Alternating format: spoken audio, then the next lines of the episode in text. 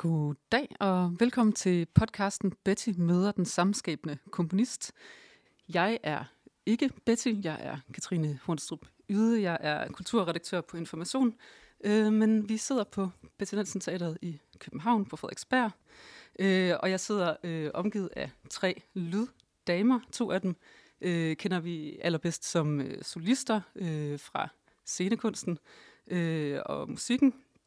Øh, og øh, de har begge to været del af det her projekt Betty udvikler, som vi skal diskutere i dag. Og den tredje har ikke skabt noget på Betty, men er til gengæld det, jeg vil kalde professionel øh, kollektivist, øh, og dermed den oplagte samtalepartner, når vi skal gå ind i, hvordan man kan lave musik øh, og teater og scenekunst øh, i, en, i nye, spændende kollektive processer. Øh, så velkommen til dig, Katrine Graup Elbo. Tak. Du er violinist og nyudsprunget solist. Mm. Tillykke med det. Øh, og så er du øh, gavet kollektivist fra Lyd- og Performance-kollektivet We Like We. Det ved du. Og øh, velkommen til dig, Louise Alenius. Du er partiturkomponist. Øh, du har blandt andet skrevet øh, musik til balletterne Napoli, andet akt af Napoli og Elefantmanden. Øh, og så er du komponisten bag Betty-stykket Kejser, Kejseren af Portugalien, som øh, skulle have haft øh, premiere lige nu, men som forhåbentlig bliver sat op lidt senere. Og så er du, sagde du over telefonen, øh, enspænder, og det tænker jeg, vi kommer til at snakke lidt mere om. det? det sagde du virkelig. okay. Og velkommen til dig, Jenny Rosander. Du er elektropop-musiker, øh, sangskriver og producer, og så er du øh, kendt under det meget catchy kunstnernavn, som jeg altid har været så vild med, Lydmor. øh, og så er du komponist i øh, Betty-stykket øh, Mørkt Forår, som indtil videre ikke er blevet øh, vist til offentlighed, men som igen bliver møffet hen til september måned, som jeg forstår det. Øh, det næste år igen. Næste altså år 22. igen, ja. ja. Øhm, ja, man kan jo selvfølgelig æve sig over, at de her Betty-stykker øh, ikke umiddelbart er blevet realiseret, på trods af de her lange skabelsesprocesser, I har haft gang i. Øh, men man kan også være øh, glad for indtil videre, at vi så kan dyrke øh, processerne bag. Øh, og det er jo noget af det, som vi skal øh, diskutere i dag. Øhm, og nu sidder vi her i vores lille, det er faktisk ikke en rundkreds, jeg havde forestillet mig en rundkreds, men en, øh, en firkant, som også er en slags øh, kollektiv øh, formation. Øhm, og øh, jeg tænker, at vi lige kan starte med sådan en introduktionsrunde, hvor I fortæller lidt om, øh, hvad I laver, og, øh, hvorfor I øh, arbejder, som I gør almindeligvis. Øh, Katrine Graup Elbo, kan du fortælle lidt øh, om dig selv og din praksis? Ja, det kan jeg godt.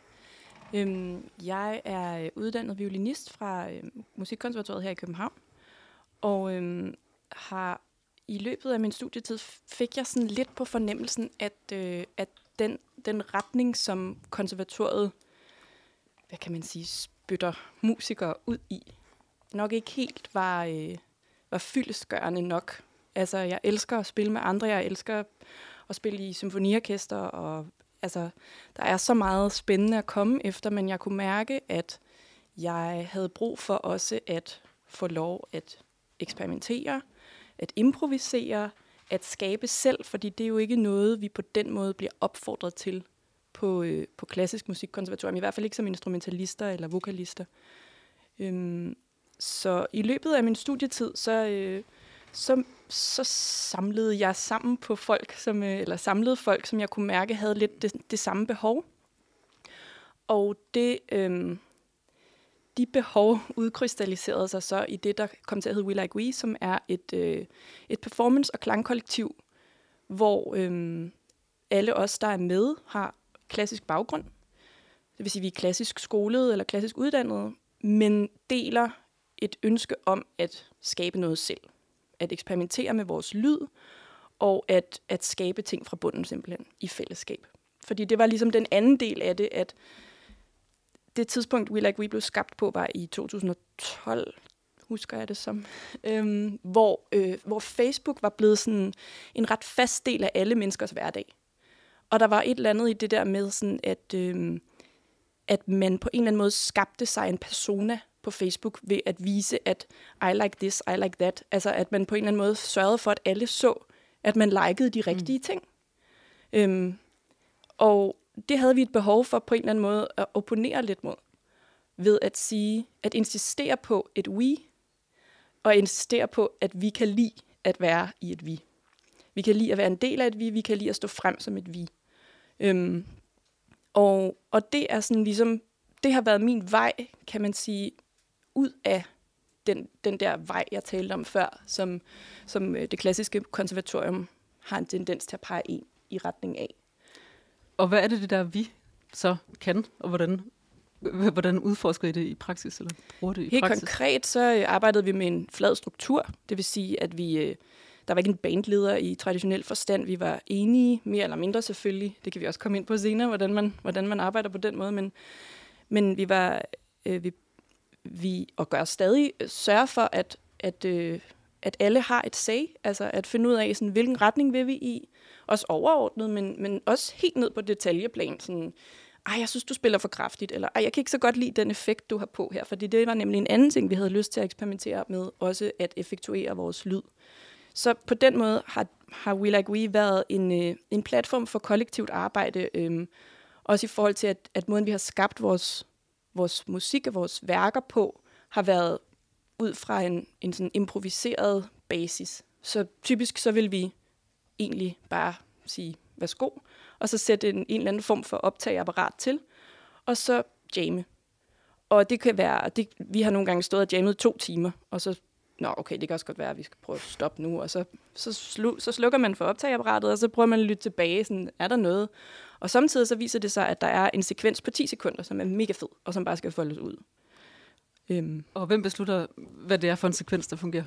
Det sjove er, at, at, øh, at det har der faktisk ret tit været situationer, hvor vi var sådan helt intuitivt, instinktivt enige om. Det her er fedt.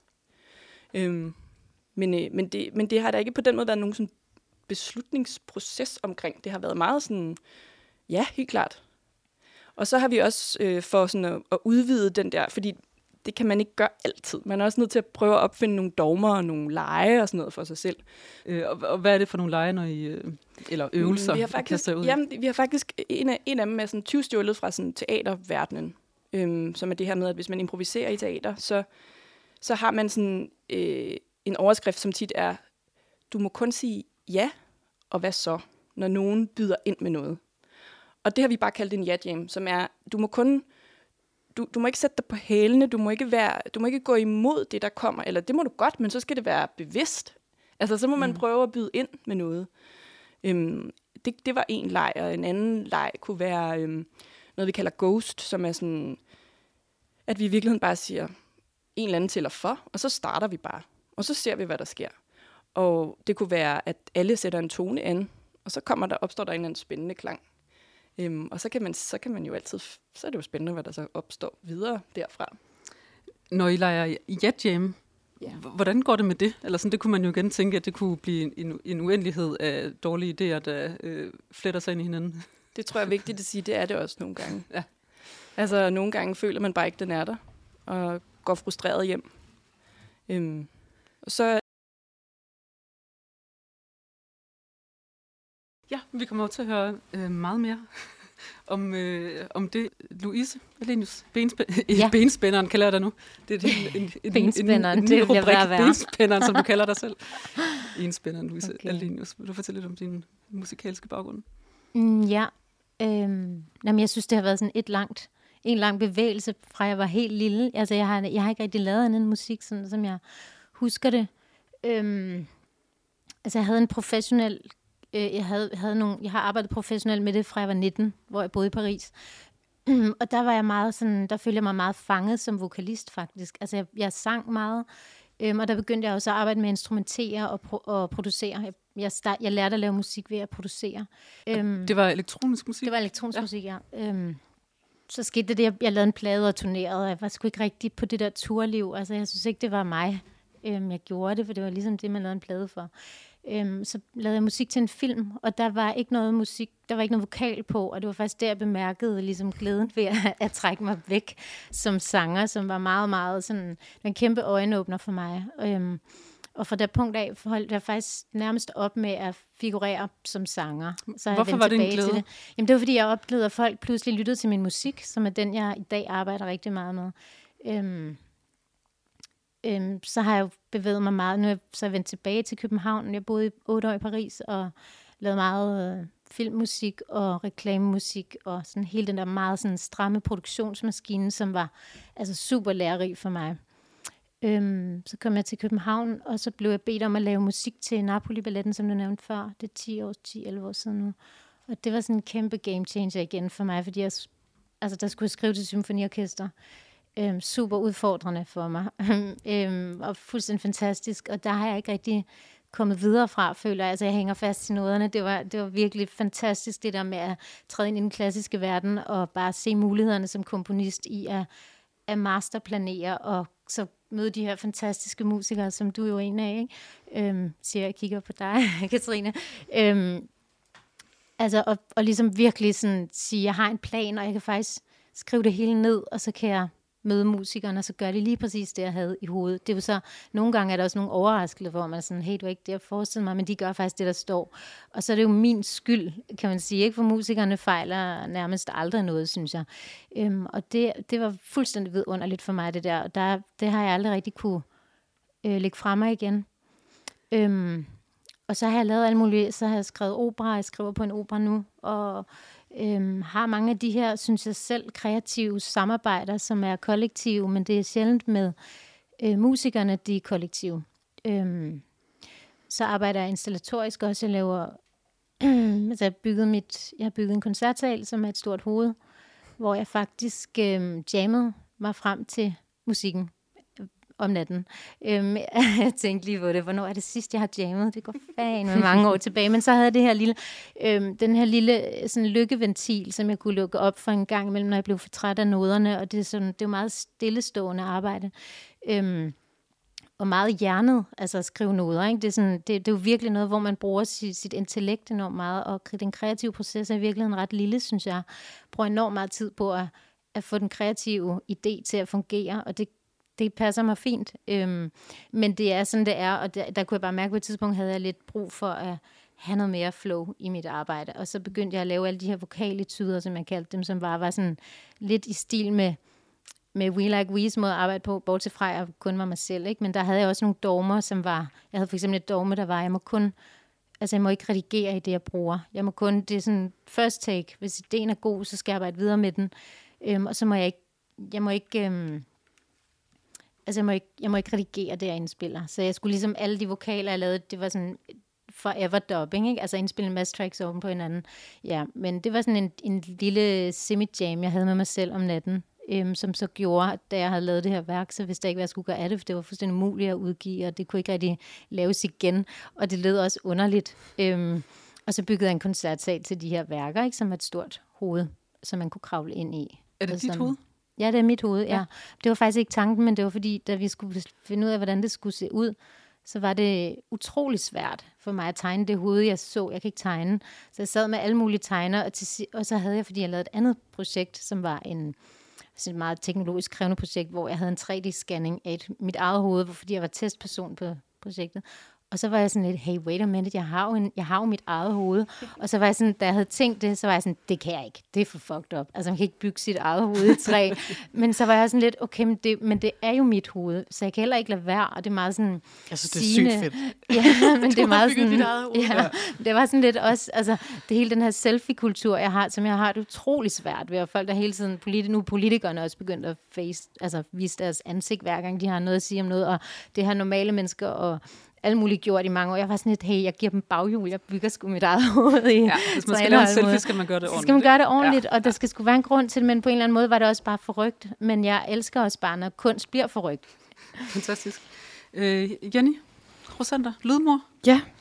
Hvad med dig? Jamen, åh, det er jo altid så svært, det der med at skulle prøve sådan på en eller anden måde at, og, øh, opsummere en proces, som har føltes som at blive slynget rundt i en eller anden crazy flod. Øhm, jeg er øh, autodidakt. Øhm, semi-ufrivilligt. Jeg søgte ind på kons, fik jeg vide, det synes de var, var en rigtig dårlig idé. Synes du skulle være autodidakt? ja, de synes, ja, ja, de det, synes det, at det var en bedre idé for mig at være autodidakt. ja. Men jeg fik lidt oprejsning, fordi jeg underviste der seks år senere. Jeg kunne næsten have undervist det hold, jeg kunne have gået på. øhm, jeg startede som sanger øh, med at, at skrive sange på klaver, øh, da jeg var sådan noget 14. Øhm, og har altid hele mit liv interesseret mig for storytelling. Jeg troede, jeg skulle være filminstruktør. Jeg var meget interesseret i det der med at skabe det der rush, som man får, når man bliver involveret i et stykke musik, eller en film, eller et teaterstykke. Øhm, men jeg kendte ikke rigtig nogen, der lavede musik. Øhm, og da jeg begyndte at, skrive sange, så var jeg rigtig træt af, lidt ligesom du nævnte, at du var træt af, at folk øh, hele tiden hørte din vokal, men jeg var bare træt af, at det, det lød som jazz, fordi der var klaver og vokal, det var ligesom de to mm. ting, jeg kunne. Mm. Øhm, og da jeg så var 18, så købte jeg et meget, meget skrabet studiesetup for min lille børneopsparing, øhm, og begyndte at lave elektronisk musik. Øhm, det var egentlig meningen, at jeg bare ville indspille mine sange, men så gik det op for mig, at det her gear, jeg havde købt, kun en masse andre ting. Øhm, og så ret hurtigt var jeg i gang med at lave beats. Øhm, så det var ret sådan en, en, en love at first sight, øh, fordi at lige pludselig kunne det jo lade sig gøre at lave meget mere brede stemninger, og jeg kunne lave noget, der var hårdt, og jeg kunne lave noget, der var blødt, og jeg kunne lave noget, der var underligt, og jeg havde bare en fest. Jeg havde en stationær computer, og jeg boede i et lille kollektiv i Aarhus, og havde aldrig nogen penge. Og jeg sad bare i det der lille værelse og røg cigaretter og producerede på min stationær i nogle år. Øhm, og udgav mit første album, øhm, og, og begyndte sådan lige så stille at vælte ind i en musikbranche, jeg slet ikke kendte noget til. Altså, det føles som, at meget af starten af min karriere var ligesom bare mig, der sådan, øh, okay, vi prøver det der, eller nå, men så prøver jeg det der. Men på en eller anden underlig måde, så endte jeg lige pludselig med at turnere ret meget i udlandet. Men øhm, jeg, i så, efter et par albums, så gik det op for mig, at jeg arbejdede på en lidt ukreativ måde. Jeg var meget styret af min usikkerhed følte mig hele tiden meget i tvivl om, om jeg gjorde det rigtigt, og tænkte enormt meget på, hvordan folk ville se på det, jeg lavede, og radio og P3, og sådan coolness, sådan noget Sound Venue og Vice, og hvem, sådan nogle, alle de der coole normcore indie boy bands, som, som bare virkede meget sejere end mig, og, sådan, og det, det gik mig virkelig på, og det gjorde, at jeg fik en, en ret stor kreativ krise, og lige pludselig ikke kunne holde ud og spille koncerter. Jeg følte, jeg var i gang med at narre folk når jeg stod og spillede. Og jeg var ellers rigtig glad for det der tur- mm. turnéliv. Det var virkelig en af mine yndlingsting. Øhm, så jeg tog sådan et break og flyttede til Shanghai. Øhm, Alene? Og, ja, jeg boede der i et halvt år. Og øh, tog sådan en meget øh, hård proces med min egen kreativitet, og besluttede mig ligesom for at begynde at arbejde på en helt anden måde. Kom hjem, og så udgav jeg øh, et album om Shanghai, og har så siden interesseret mig enormt meget for kreativitetens natur, og for at prøve at udforske, hvad min egen kreativitet består af, og hvad andres kreativitet består af. Hvad ændrer du i Shanghai? Øhm, jamen, altså, i Shanghai tog jeg beslutningen om at ligesom prøve at være en artist på den måde, jeg synes virkede som en kunstnerisk måde at være på. Det er svært at forklare. Og så tog det ret lang tid at applicere. Fordi det, beslutningen er nem nok. Og jeg tror, jeg vil have kunstnerisk integritet. men, sådan, men, men faktisk for mig i hvert fald, der var det helt, det var en muskeløvelse. Ikke at gå med, ej, jeg tror, det her det er det mest safe, eller ej, jeg tror måske, åh oh, nej, det her det er lidt dårligt. Altså sådan, at lære mig selv, og ligesom være sådan, det her det er det mest interessante, det her er spændende. Nu vil jeg researche. Jeg tror, jeg læser en filosofibog om det her, og prøver at se, om jeg kan presse det ind i en musikalsk kontekst. Altså ligesom lede efter inspiration på en eksplosiv måde, i stedet for en selvudslættende måde. Og så øh, på et tidspunkt, efter jeg var, havde gået igennem den her kreative læringsproces, begyndte jeg virkelig at have lyst til at lave noget øh, teater eller noget film. Jeg var sådan, åh, jeg har lyst til at prøve at være en del af et, af et større ting. Jeg har lyst til at prøve at bruge de her tools, jeg har lært mig selv på en anden måde. Og der må jeg bare sådan takke lykkens Gud inde, fordi at jeg så fik et opkald fra Aarhus Teater om, og, altså jeg kan huske, min manager ringede og sagde sådan, jamen du bliver så glad nu din lille nørd, fordi det er græstragedie, og han ved godt, jeg synes, at noget er sygt fedt. Græstragedie, og det er Aarhus Teater, og du skal spille med i det, og det er åbenbart en rigtig sej instruktør, øh, Rune Ahotne, som øh, er mega cool norsk. Øh, og sådan, det var bare sådan drømmescenariet. Øh, så det var den første teaterforestilling, jeg lavede, hvor jeg var flindrende nervøs. Altså de første fire uger af prøveperioden, der rendte jeg bare rundt og sådan havde lyst til at skrige hele tiden, fordi jeg følte, at alle var så dygtige, og alle var så seje, og jeg bare ikke vidste noget om noget. Men i løbet af den proces, så blev jeg rigtig, rigtig gode venner med en, en kvinde, der hedder Amanda Linnea Ginman, som også optræder på mit seneste album øh, under Amandas Lullaby og Amandas Dream. Og hun er også teaterinstruktør. Og hun begyndte at tale om den her bog, Mørkt forår, som hun havde et, et, et kæmpe drøm, vision om at lave. Og jeg introducerede hende for en koreograf, der hed Sebastian Kloborg, som jeg havde lavet noget med inde på balletten, som jeg synes var fantastisk, og så synes de også hinanden var fantastiske. Og så lige pludselig så begyndte der at være sådan en, uh, burde vi tre? Uh, ej, det kunne, det kunne da være lidt spændende med det. Øhm, og så, var, så øh, blev det jo så inkluderet i, i, i Bettys øh, i Bettys projekt og, og blev sat op på Betty under mørkt forår. Øhm, og det er nok den mest kollaborative ting, jeg har lavet, fordi at der var en, en, en tanke om, at dans, skuespil og musik skulle på en eller anden måde være lige i rummet. Det skulle ikke ligesom være skuespil med lidt dans og musik, og det skulle ikke være dans med lidt skuespil, altså, eller musik med, altså det skulle ligesom på en eller anden måde stå fuldstændig lige. Hvem, hvem besluttede det? Det tror jeg, vi, altså både Amanda, men også os alle sammen på et eller andet plan. Altså sådan fordi, at vi var så uendelig forelskede i hinandens kreativitet. Men at det, det, er også en, det er også en del af konceptet, ikke? Fordi mm. der er i hvert fald det samme koncept på kejserne i Portugalien. Ja. Så det er hele den der med, at man sidestiller kunstarterne. Ja. Og, og hvordan griber man det sådan helt, altså, det bliver man spørge sådan helt praktisk an? Mm. Jamen, hvordan sætter man sig ned og har sådan en hierarkisk uh, ligestilling mellem de forskellige uh, områder, altså, og hvordan, hvem, hvem får først en idé, som den anden skal følge? Og, altså. I vores tilfælde var det øhm, altså et ret sådan øhm, vildt og til tider krævende øh, rum, fordi at, at, at vi, er, vi stod alle tre ret stærkt i vores holdning til, hvordan ting skulle kunne være, og hvad, hvad det potentialet var af teksten, alle sammen meget forelsket teksten. Øhm, og så kommer man jo bare med bud. hey, jeg tror, det kan være det her, men jeg tror, det kan være det her, vi skal prøve det her. Altså et, et stormvær uden lige, som jeg tror øh, til dels var muligt, fordi vi på den måde holder enormt meget af hinanden, os tre. Øhm, så øh, altså, det er jo, det, det synes jeg i hvert fald i vores proces, at fordi vi ikke tog den nemme løsning, og bare sagde, okay Amanda, beslut dig for ting. Der skal der være det, der skal der være det, der skal der være det, der skal der være det. Øhm, så ender man med at stå i de her skøre situationer, hvor man ikke ved, hvad man er i gang med at lave.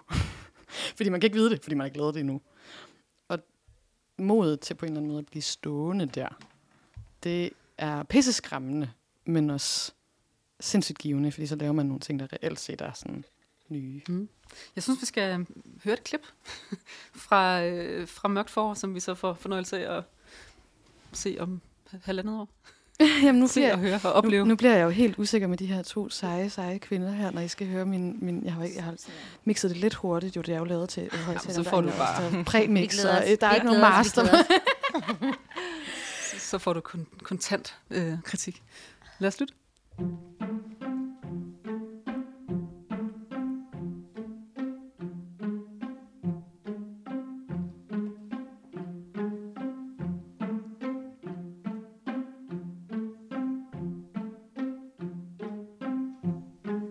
det er jo et track, der plejer også at være... Der er også dialog hen over nogle dele af det her.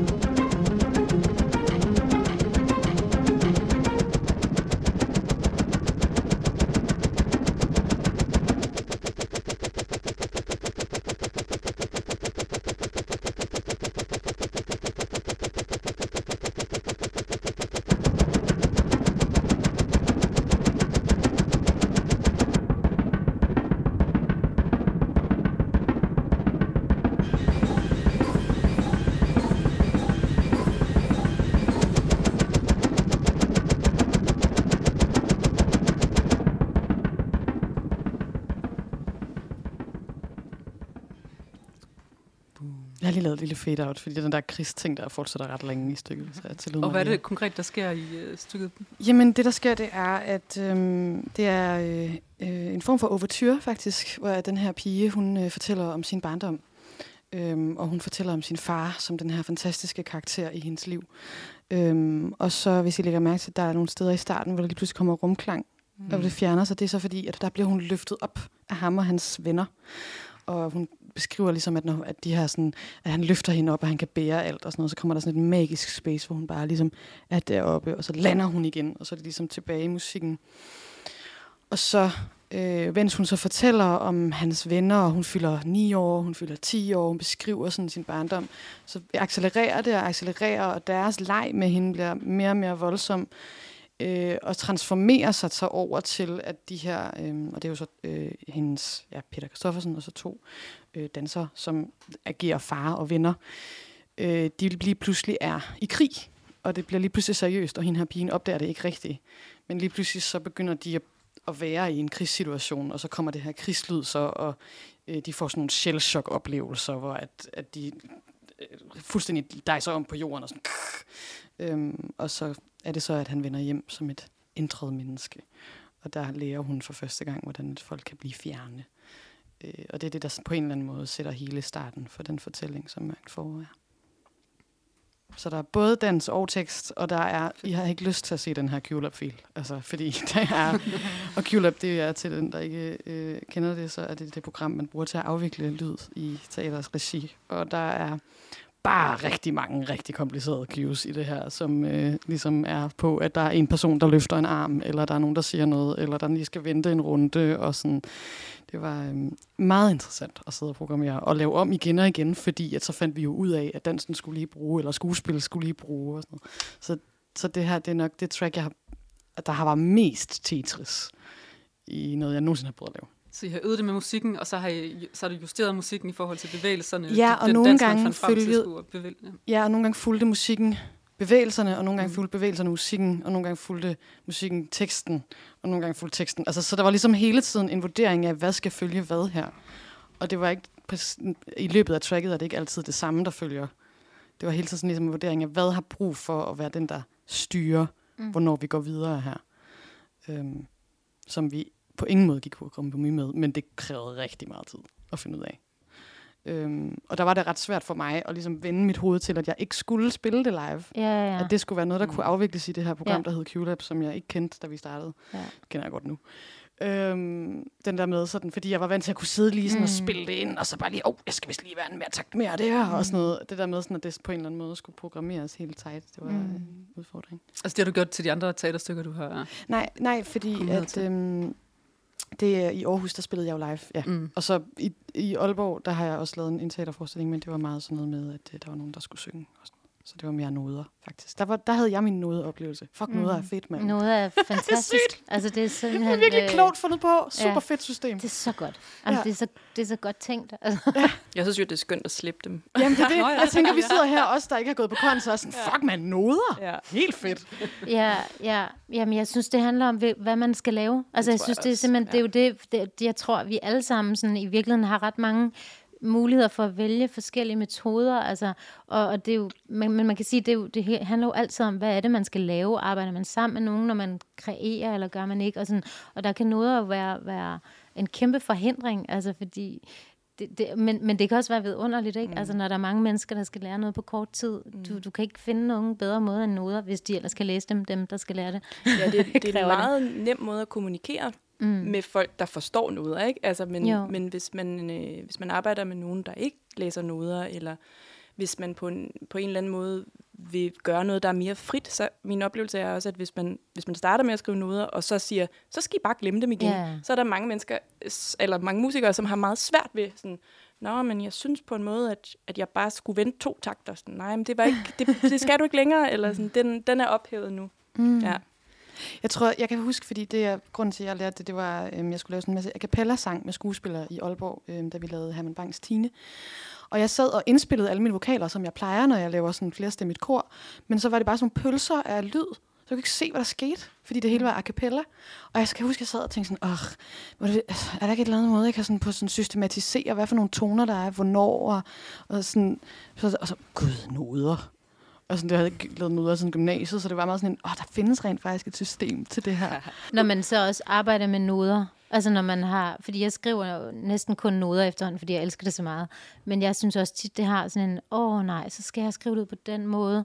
Og så vælger man jo ligesom at lave nogle helt alternative typer noder en gang imellem, hvor man laver sådan en grafisk notation, hvor man bare tegner et eller andet, fordi det netop skal være noget helt andet, eller man, man sætter det op på en anden måde, så, no, som, så musikerne ikke kan læse det. Mm. Altså meget bevidst, og så er de sådan, åh, vildt bange, når de ser det, og så er man sådan, det er meningen, I skal blive bange. Og så skal jeres kreation, jeres, øh, jeres kreativitet gå i gang, og så skal I prøve at finde en løsning, og prøve at, prøve at afkode, hvad der måske er muligheden, eller tanken, ideen med det. Ikke? Så, det så det er jo også noget, altså, det kan virkelig også være en forhindring, men det er jo bare så utrolig præcist. Altså, hvis man, hvis man mm. ved, hvad man vil, så kan man jo mm. notere alt, og det tager tid. Men det er fuldstændig vidunderligt, så, så nuanceret det også er. Ikke? Altså, hvor, hvor små detaljer man kan, man kan skrive ind, og så reagerer musikerne fuldstændig på dem. Altså som sådan ned til mindste... Ja, Men skal vi så ikke um, glide videre til musikeren? Noget, flug, øh, noget flugteren har jeg lyst til at kalde dig, Katrine. Ja, øh, ja. Noget ah, eskapisten. Ja. Øh, vil du fortælle lidt om, hvordan I lavede... Øh, hvad hedder det, øh, Myte om Mørke, jeres opera fra Nordic Opera. Ja. Øhm, we Like We. Ja, Myte om Mørke er fra 2019. Da, da, vi, øh, da vi komponerede den, så var vi meget sådan... Vi arbejdede med det, der hedder idefixer. Og det betyder basically, at øh, en karakter har et tema, et musikalsk tema. Øh, og, og vi var ret fascineret af det, fordi på en eller anden måde, så er der også et eller andet helt vildt sjovt i, at når når den ene karakter så møder den anden karakter, så skal man på en eller anden måde prøve at få smeltet de to temaer sammen. Eller der var bare mange ting, som vi synes var ret skægge. Og sådan, hvad hvis pludselig personen er ked af det? Så skal man måske prøve at arbejde med temaet pludselig er i mål eller et eller andet. Øhm, men vi havde nogle idéer, og så fik vi et, øh, et hold øh, sangere, tre virkelig skønne sangere, som heldigvis havde mod på sådan at kaste sig lidt ud i også at være en del af en workshop-agtig proces. Øhm, så vi præsenterede nogle idéer for dem sådan i det tidlige forår, øh, der i 2019, og så kunne vi ligesom gå videre og, og justere. Og, og der, hvor det så blev sådan ligesom et kollektiv i et kollektiv, det tror jeg, det oplevede vi meget, da vi, da vi så kom i, ind i prøverummet med resten af holdet, fordi der var, øh, der var da vi startede, nogle, nogle skitser, øh, scenografisk, og også sådan, hvad kan man sige, i forhold til narrativet, hvordan vi ville fortælle historien. Øhm, men men det var helt klart en oplevelse af, at meget blev devicet frem. Altså at vi ligesom, øh, nogen siger, øh, her skal der være sand, og så, øh, så hvordan lyder sand, eller hvordan ser sand ud? Hvordan kan man gøre, hvad, hvad laver man med sand med lys, eller et eller andet? Der var ikke noget sand i forestillingen, jeg ved ikke, hvorfor det er det, jeg tænker på, men det kommer jeg bare lige til at tænke på. Øh, og øh, øh, på den måde, så var der, altså så oplevelsen der var, at vi jo var os fire, som vi var på det tidspunkt, øh, komponister, som stod for noget lyd, som ligesom var et kollektiv, og så var der så resten af gruppen. Øhm, og selvom øh, Lotte Andersen, som var instruktør, jo havde det sidste say, så var der helt klart en følelse af, i hvert fald i de første uger af prøveforløbet, at, at man skulle byde ind. Øhm, både i forhold til, så vi var, os fire i We Like We var på scenen hele tiden. Øhm, vi spillede jo også musikken selv. Så der var også noget med, at vi skulle indgå scenisk og performativt. Øhm, og samtidig så skulle det jo kunne fungere, at vi skulle ligesom afvikle noget. Ikke? Øhm. Hvordan, altså man kunne forestille sig, at I jo også nogle gange øh, vil arbejde med uenighed som mm. energi i jeres eget kollektiv. Ja. Hvordan fungerer det, når I samtidig ligesom er fire individer i et eller andet form for vi-fællesskab, som skal ja. arbejde sammen med øh, Jeg vil sige heldigvis, så, ja, men faktisk heldigvis, så, så var, er vi er vi slash var vi der i den proces ret gode til sådan lige at trække os væk, og lige sådan, hey, er, synes vi også, eller synes I også det her, som jeg lige lagde mærke til? Og sådan. På den måde, der tror jeg, vi, vi stod ret meget frem som en stemme. Øhm, men det er klart, at, at indimellem, så var der, der nogle ting, hvor jeg bare var sådan, øh, nej, vi skal mega meget gå til højre her, og alle de andre er sådan, nej, venstre. Og så står man der og føler egentlig, at ens egen idé var bare, altså, de kaster perle for svin, ikke? Men, altså, men sådan er det jo bare nogle gange, og det er også det skønne ved kollektiv, at, øh, at så andre gange, så, så mødes vi et eller andet sted, som ingen af os havde kunne forudse, fordi vi sagde højre og venstre, og så gik vi lige ud, eller sådan et eller andet, ikke? Skal vi prøve at høre øh, en øh, arie fra operan? Ja, det synes jeg. Det er, hvad hedder den, Kom og se mine lager. Kom og se mine lager. Er der som, noget, vi skal lytte efter? Øhm, den er skabt ud fra øh, Josefine, som spillede cello, og jeg på violin. Vi, øh, vi jammede faktisk med udgangspunkt i at bare spille kvinder. Og øh, kvinder er jo de, det interval, som strenge instrumenter stemmer i. Og samtidig så var kvinden det øh, udgangspunkt for, for hovedkarakterens øh, idefix. Altså hovedkarakterens tema var bygget på en masse kvinder, fordi der er noget, sådan, der er noget åbenhed i kvinderne. Og der er, øh, altså en kvint som sådan, definerer ikke en tonart. Man, man kan ikke høre, om det er du eller mol bare på en kvint. Men når man lægger kvinter oven på hinanden, så kan man pludselig lege med, hvor folk tror, noget bevæger sig hen. Så, så fundamentet er de her kvinter, som, som bliver spillet på violin og cello.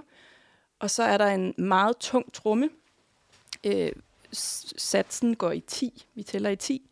Øhm, og så messer øh, Katinka, som synger, eller synger Katinka ind over en tekst, som handler om øhm, en, en øh, jeg tror hun synger sådan noget, et offer af den første krig, en producent af den næste, som handler om en mand, som, øh, som har faktisk apropos krig, øh, mistet halvdelen af sit ansigt under Første Verdenskrig, og, og går med sådan en mærkelig maske på den ene side af sit ansigt, og så producerer våben til 2. verdenskrig. Så der er et eller andet i det der med, sådan, du ved, hvor forfærdeligt det er, og så fortsætter du øh, en, øh, en analogi, man jo kan applicere på næsten alt i vores historie. Ikke? Men altså, det, det er sådan en meget tung tekst. Øhm, der er en masse våben og sådan noget. Fedt. Og nogle åbne kvinder. Lad os tjekke kvinderne ud. Spændende. Jeg elsker dine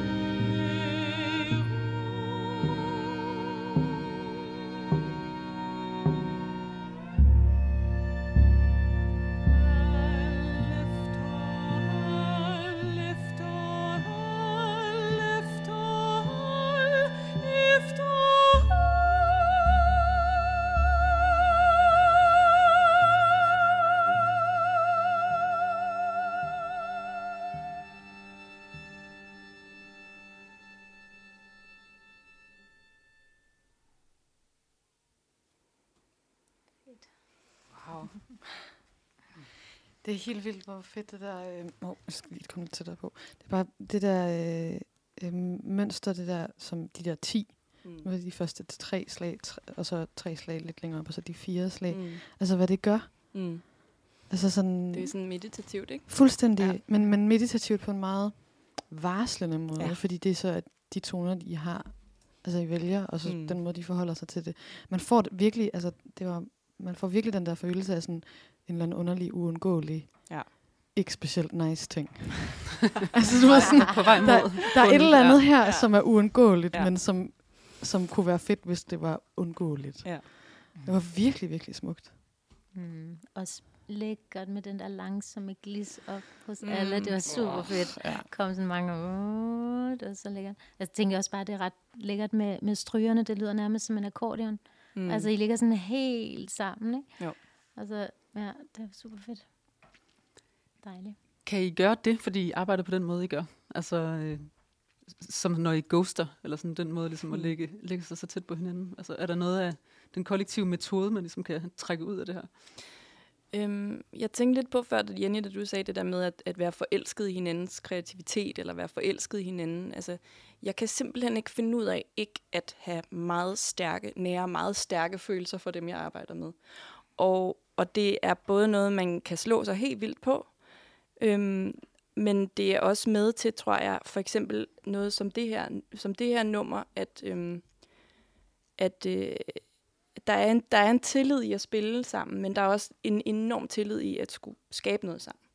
Og, øhm, og det der med sådan, at, at øh, i det her tilfælde violinen og celloen bare sådan smelter sammen, det, det kræver helt sikkert, at, at man læner sig ind i hinanden på en, på en helt særlig måde.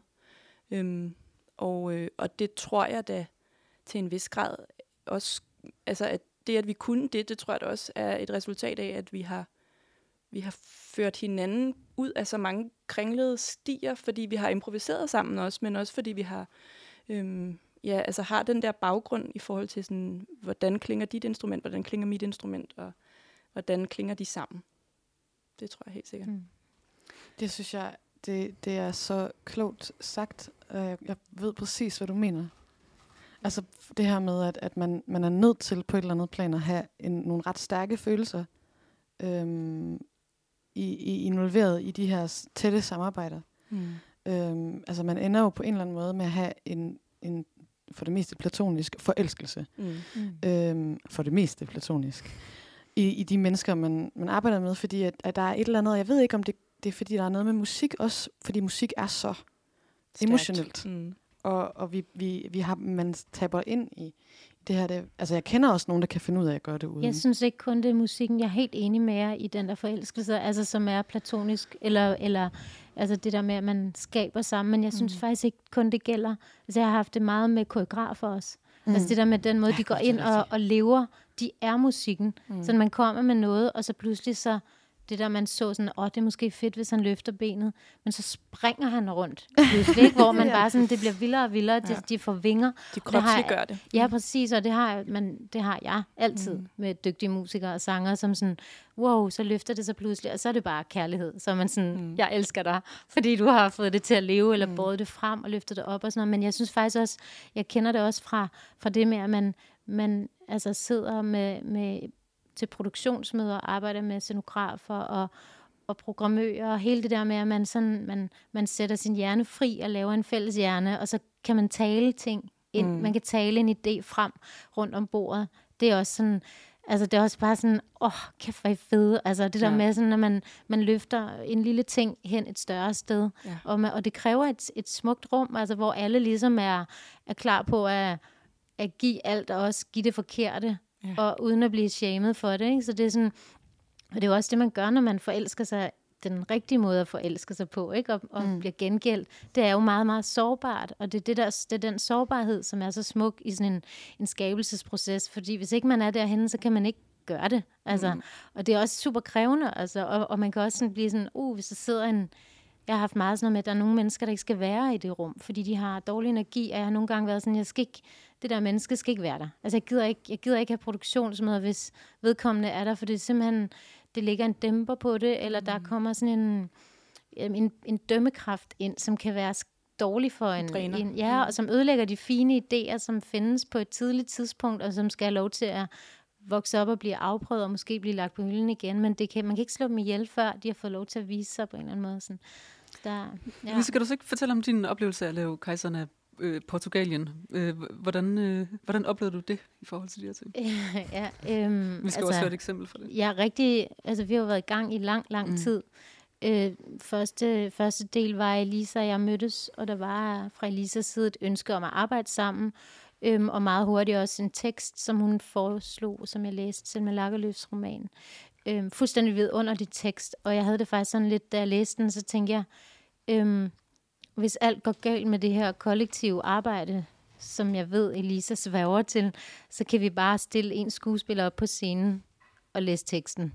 Og så er det det, fordi det er virkelig noget materiale, der kan, der kan bære det.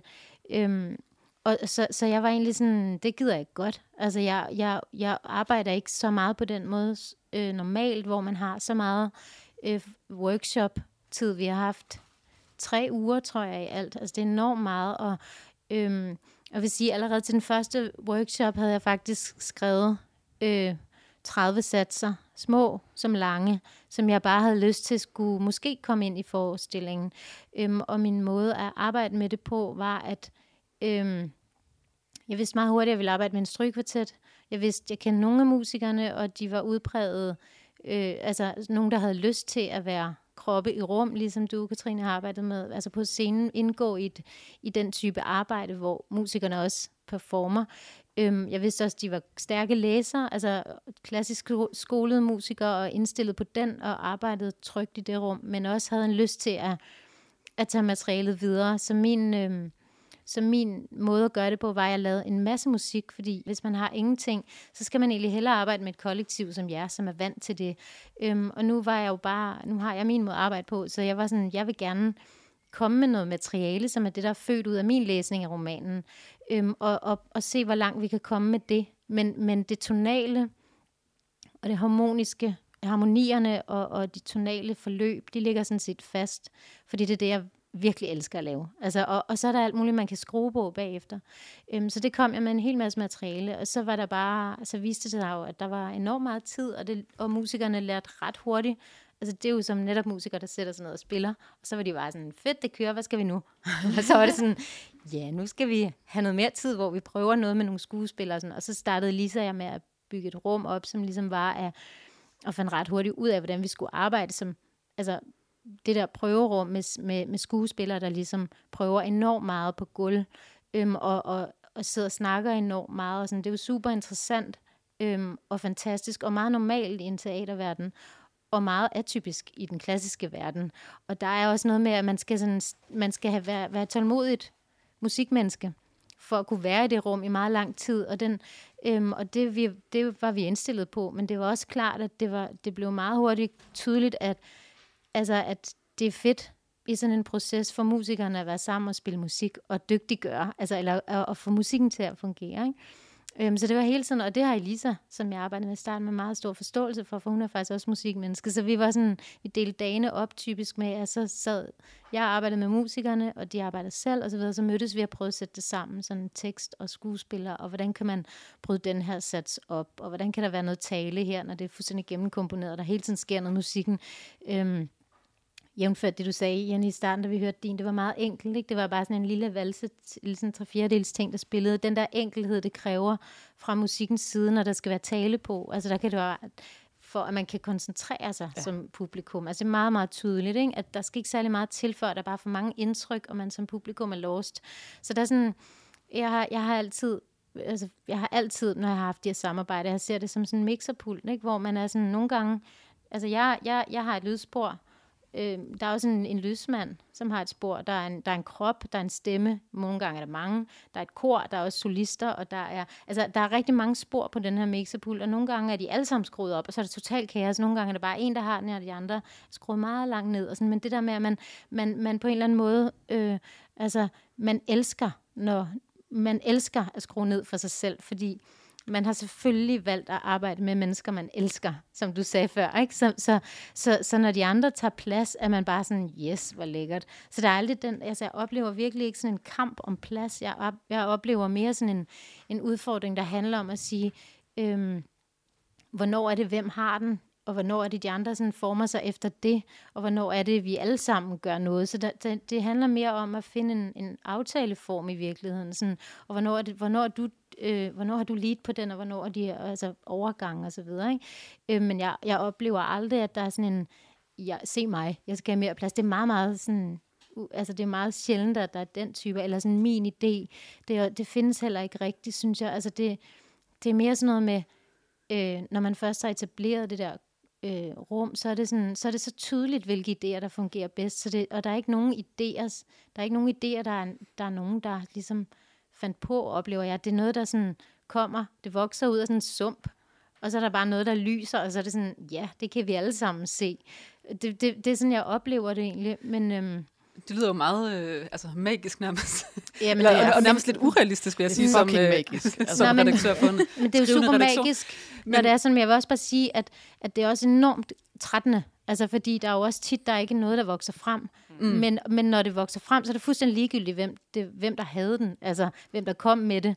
Øhm, for, fordi alle kan se det, og alle kan mærke det. Men, men, øh, men der, hvor, hvor det kan være udfordrende, det er jo også bare på tid. Altså, hvor lægger man et- sin energi, ikke? Altså, og som partiturkomponist, som jeg virkelig altså, føler, jeg er, fordi jeg også er et utålmodigt menneske. Altså, og det, jeg er meget tålmodig med noderne, men jeg har faktisk en, en meget stor utålmodighed i forhold til at være i et rum, øhm, og ligesom få ting til at ske. Så er jeg sådan, når vi er her, så skal det, så skal det køre. Altså, jeg har jo lavet en køreplan på det her område. Mm. Så den kan, det er ligesom den, vi kan falde tilbage på. Og så er jeg sådan, øhm, og det, var, det er udfordrende for mig altid, når jeg arbejder med instruktører. Altså alt hver eneste gang, også den her gang. Mm. Og det kan de mærke. Og det er udfordrende for dem at have et menneske som mig i rummet, som er utålmodigt. Altså, og det, det er sådan, det, det, og, og min, min måde er ligesom at, at lave noget materiale og sige sådan, hey, en gang imellem skal have musikerne, vi skal lægge en plan og arbejde, indstudere, fordi de her galopheste, som klassiske musikere også er, eller sangere, de skal galopere, de kan ikke sidde og vente og lytte og snakke, altså det skal også bare sådan,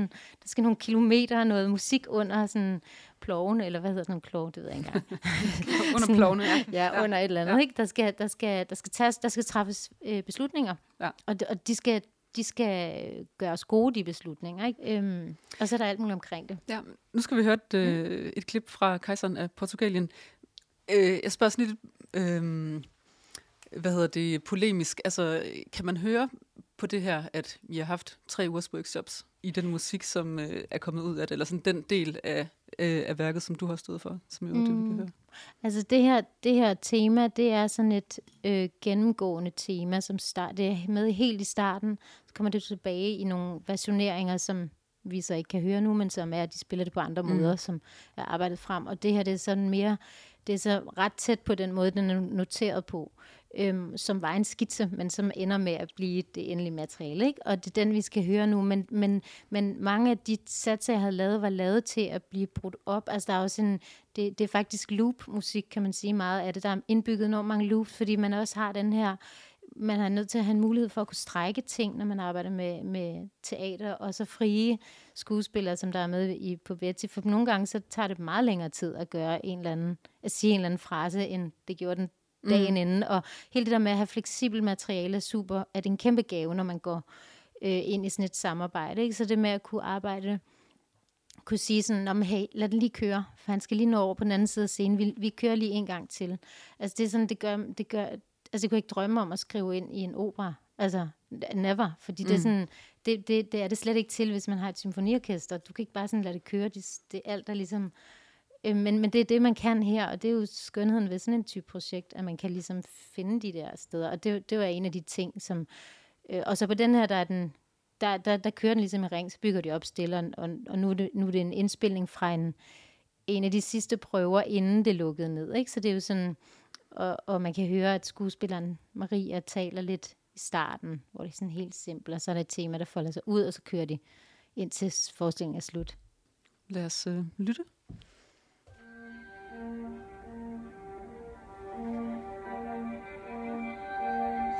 Kister øh, stilles ved siden af hinanden. Du fået det så godt, som du kunne ønske dig det nu?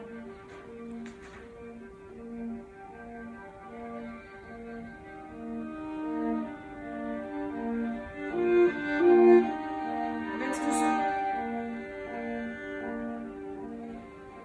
og mens du står der med lukkede øjne, ser du din far for dig, sådan som han var. Her står du, Clara Fine Gulleborg fra Skoløk er opkaldt efter selve solen. Du genkender hans ansigt. Du genkender hans ansigt, sådan som du så det en morgen, hvor sneen havde fyret, og hvor han måtte bære dig hele vejen til skole.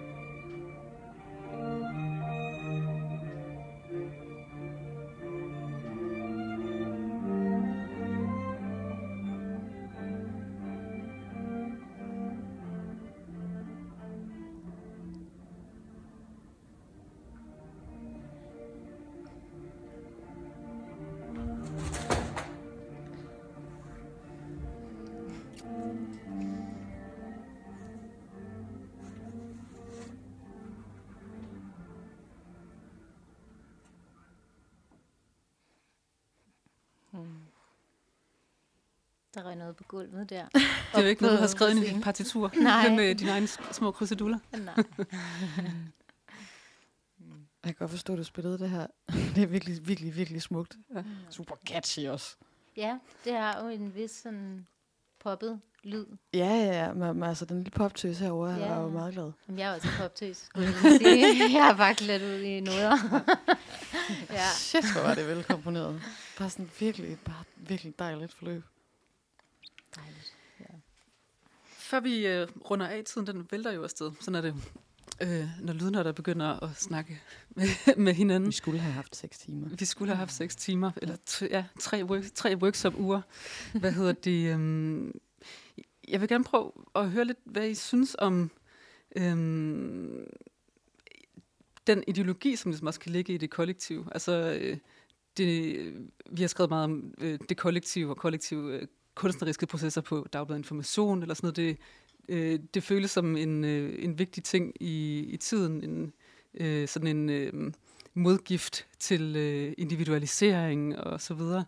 Øh, og det er jo sådan meget tidstypisk også, at Bessinansen vælger ligesom at fokusere på de her ting. Øh, men jeg er også interesseret i, altså hvor, hvor, hvor, hvor vidt skal man gå, eller sådan, hvor meget skal man øh, sådan øh, forsere øh, den her måde at arbejde på. Øh, Giver det, giver det god mening? Øh, kan man gøre det på en anden, mere sådan øh, øh, organisk øh, øh, måde? Øh, Altså, jeg synes, der er noget, altså, der er jo noget ideologisk, øh, for mig i hvert fald, enormt øh, interessant i det kollektive, og i den lidt mere flade struktur. Altså, der er noget, øhm, for, mig, for mig, ikke for at lyde som en, en kliché af mig selv, men der er noget patriarkalsk over autoritet, og over de her meget sådan topstyrede, øh, det store øje skal observere og fortælle, hvordan noget skal se ud. Det store observerende øje, instruktøren, løfte blikket på fra ud. Altså, det, det, det er meget, øhm, det, det, det skriver sig ind i, i, for mit vedkommende, nogle, nogle strukturer i samfundet, som jeg ikke synes er så spændende mere. Øh, som vi har måske kørt med i et par tusind år nu. Øhm, så jeg synes, der er noget revolutionært i at arbejde øhm, kollektivt, og i at arbejde med den åbenhed, selvom den er svær og utryg. Fordi det, det, det, mest, det meste af din praksis har jo været, lyder det til, meget øh, med dig selv, ikke? Jamen, jeg tror, altså, det, det kan jeg mærke, at selvom jeg også kan synes, det er ret ubehageligt nogle gange. Altså, specielt når der, man synes virkelig, man skal til venstre, og alle andre i rummet er sådan til højre, og man er sådan, kæft for, er I bare dumme lige nu? Øhm, men, men jeg synes bare sådan rent ideologisk, at det er mere spændende. Og jeg synes, at på en eller anden måde, jeg tror, folk kan mærke det. Tror jeg ikke? Altså sådan den der, når, der, altså, når det, man ser, ikke har ligesom bare været en person, der har puttet sin visionshat ned over en masse andre mennesker. Katrine, jeg vil faktisk godt lige spørge dig om det også, fordi du er jo ligesom mm. sprunget ud som solist. Altså, dit fundament og den måde, du også har talt om din øh, musik og kunst på i mange år, har været øh, har kredset om det kollektive. Øh, og nu har du lavet et album med Katrine Elbo. Mm. Hvad, hvad, hvad tænker du om, øh, om at springe ind i den, øh, i den del? Mm, jeg, jeg ville ikke have været alle de år med kollektivt arbejde for uden. Og jeg er egentlig også øh, øh, enig med, med Jenny i forhold til sådan ideologisk set, så, så taler det virkelig til mig at arbejde på den måde. Fordi jeg, min oplevelse er bare, at det ender altid med at blive større end summen af de individer, der er kastet ned i gryden. Altså, det ender altid et andet sted, end det sted, man havde kunne forestille sig, det ville ende. Øhm, men jeg vil så sige, at, øh, at kollektivt arbejde er hverken øhm, den mest bæredygtige form, når man taler om tid eller penge. Og, øh, og det er desværre to faktorer, som, som man også er nødt til at forholde sig til indimellem. Øhm, ja, det er så ikke, det er så ikke, det er hverken den ene eller den anden faktor, der har gjort, at jeg har lavet en soloplade. Øhm, men, øh, men jeg tror, for mig var der i hvert fald, når man arbejder kollektivt, som vi også var inde på lidt før, øh, lidt tidligere, det der med, at, at stemmerne smelter sammen det, det er en smuk proces. Men den bliver så meget smukkere, når man, når man øver sig i også at være bevidst om, hvordan ens egen stemme lyder. Og, øh, og for mig er det, altså, det er sindssygt angstprovokerende at stille sig frem alene og lave øhm, en plade. Og jeg, kan, jeg tør godt sige, at jeg hader at spille koncert alene. Altså, jeg elsker at stå med andre på scenen, og når det er mig alene, så har jeg angst i to måneder, inden det skal ske. Men, men jeg ved også, at det er nødvendigt. Fordi øh, der er et eller andet i at, at blive bevidst om, hvad man selv hoster op med. Øhm, og, øhm, og det er også, det, altså meget af, af, af pladen er sådan, tematikken eller sådan det konceptuelle bag pladen har været noget med sårbarhed, og noget, jeg har arbejdet med sådan noget maskering og demaskering, inden det blev noget, som vi alle sammen skulle forholde os til, fordi pladen er fra 2018, og nu går vi alle sammen rundt med masker, og det, jeg er helt overhalet af, af verden og, og en pandemi og sådan noget. Men, øh, men der er en, en ekstrem sårbarhed forbundet med at skulle træde frem alene. Samtidig med, at, at der også er en ekstrem sårbarhed i at skulle arbejde kollektivt. Fordi det er virkelig en, en øh, på mange måder øh, en proces, der bare kræver så sindssygt meget af alle. Øhm, den kræver grundlæggende, helt grundlæggende kræver den, at man har en eller anden sådan bevidsthed omkring, at alle synes hinanden er fede. Altså, at, man ikke, at der ikke pludselig er sådan en følelse af sådan, ej, jeg er nok ikke rigtig god nok til at være med i det her. Øh, også som vi talte om før, at sådan, faktisk så den der følelse af nogle gange, når man kan træde ud af det, men med en bevidsthed om, at, at man har leveret noget. Altså også som du sagde før, Louise, det der med, at, at så er der pludselig noget, der spiger op, og det er egentlig ikke så øh, relevant, hvem der sagde det, fordi det var, ikke, det var aldrig blevet sagt, hvis det ikke havde været i det rum. Mm. Fordi vejen derhen består af alt, hvad der er i rummet. Mm. Øhm, og den proces har jeg da savnet lidt i forhold til at stå selv, men, men omvendt så, så øh, at prøve at finde en måde og, og ligesom sådan, ja, komme ind i en, i en form for sådan solistisk proces, hvor jeg selv har skulle være alle de stemmer, vi plejer at være til stede. Det har egentlig også været meget spændende. Øhm, så jeg tror ikke, det, det bliver ikke sidste gang, jeg skal lave noget alene. Slet ikke. Louise, da vi talte sammen tidligere, så fortalte du, at, øh, at du nogle gange oplever, at folk øh, rækker ud i forhold til sådan kollektive samarbejder og sådan, øh, og, øh, og kan have det svært med det. Eller, øh, nej, eller nej, nej, jeg oplever... Øh, nej, der er mange, der siger det, at de, de har det svært ved at stå alene, som du siger. Altså, og, og faktisk gerne vil høre om, mm. øh, om det kan lade sig gøre. og så ringer de af en eller anden grund til mig, tror jeg. Øh, fordi de opfatter mig som en, der står alene. Og så mm. siger jeg selvfølgelig, det kan det sagtens. Det er super fedt, øh, hvis det er på den rigtige måde. Og, øh, og det er ikke nødvendigvis det fedeste til alting. Øhm, men det, det er på alle... Altså, mm. jeg, jeg tror egentlig, generelt, så tror jeg, at det er vigtigt, at man som kunstner er meget i kontakt med sin kollektive arbejdsform, fordi man er hele tiden...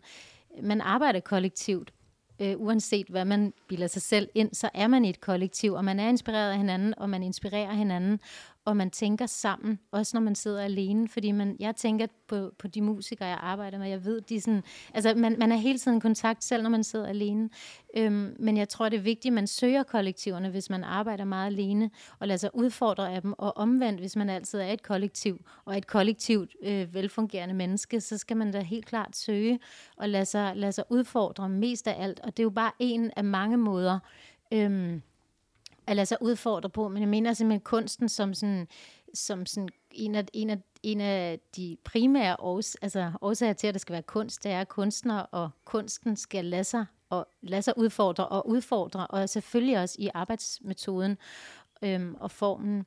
Og så vil jeg sige, øhm, for mit eget vedkommende, jeg er ikke, jeg er ikke sådan, jeg er hverken for eller imod, men, det, men jeg kan godt blive sådan, jeg kan godt blive lidt irriteret over, øhm, eller jeg kan ikke blive irriteret, men jeg kan godt blive sådan lidt, lidt, lidt øh, berørt af, at, at mange synes, det er så svært at være alene. Altså, fordi det siger også noget om vores verden, ikke? Og hvor hårdt vi dømmer hinanden, og, hvor, og, det, og jeg tror, der er få, der, der, der er faktisk ret få mennesker ude, uden, uden den virkelige verden, og, og den altså uden, uden for kunstverdenen, den skabende kunstscene, som ved, hvor sårbart det er at stille sig frem og lave noget. Og det skal det blive ved med at være, men jeg mener ikke, det skal blive ved med at være sårbart, fordi man er bange for at blive shamed. Øhm, det skal være sårbart, fordi man giver sit bedste og det mest sårbare, og man lægger det frem. Øhm, og det er også sårbart i et trygt rum, men man må bare sige, at det er ikke publikum og, og, og anmelder og, altså, og, og mennesker derude er ikke nødvendigvis særlig fede at lægge ting frem for. Øhm, og det kan godt skabe en meget stor usikkerhed, som er altså forkert, fordi det er det fineste at gøre, synes jeg, at, tu, altså at stå frem med nogen eller alene, om det er et lukket rum eller, eller på en scene for en masse mennesker. Det, det, det, med, det er den generøs ting at give noget, man har, man har arbejdet mega lang tid på, og det skal folk tage godt imod, om ikke andet med respekt og sige sådan, det var ikke lige mig, men fedt du, fedt du gider. Fordi det er faktisk ikke så meget om at give, det er mere om, eller det er ikke så meget om at ture, det er mere om at give, fordi jeg ser det som en lang, lang proces at finde ud af, hvad det er, man synes er det rigtige, og så nå derhen, nå frem til det punkt, hvor man lægger det frem for andre. Øhm, det tager bare mega lang tid, altså, og, det, og, og folk når, når derhen på alle mulige forskellige måder, ikke? Og, øh, men det tager tid. Kan jeg sagde du mange kloge ting ja. i dag? Jeg synes, det er Jeg sagde i hvert fald mange ting. Jamen, det var, nej, det var, du sagde bare rigtigt, det var bare bangers efter hinanden. Bare sådan banger, Det var et banger, lille album. Banger, ja. Fyldt med singler. Øh, og jeg synes på en eller anden måde, jeg, overvejede, hvordan jeg kunne lave en eller anden flot sådan, sprogblomst, der ligesom øh, sådan, øh, afsluttede øh, det, men i hvert fald respekt til, til jer tre. Øh, og tusind tak, fordi I vil øh, dele tanker om jeres øh, arbejdsprocesser på. Det, der er svært, det, der er fascinerende, og det, der får, sig, øh, får en til at forælde sig i det, man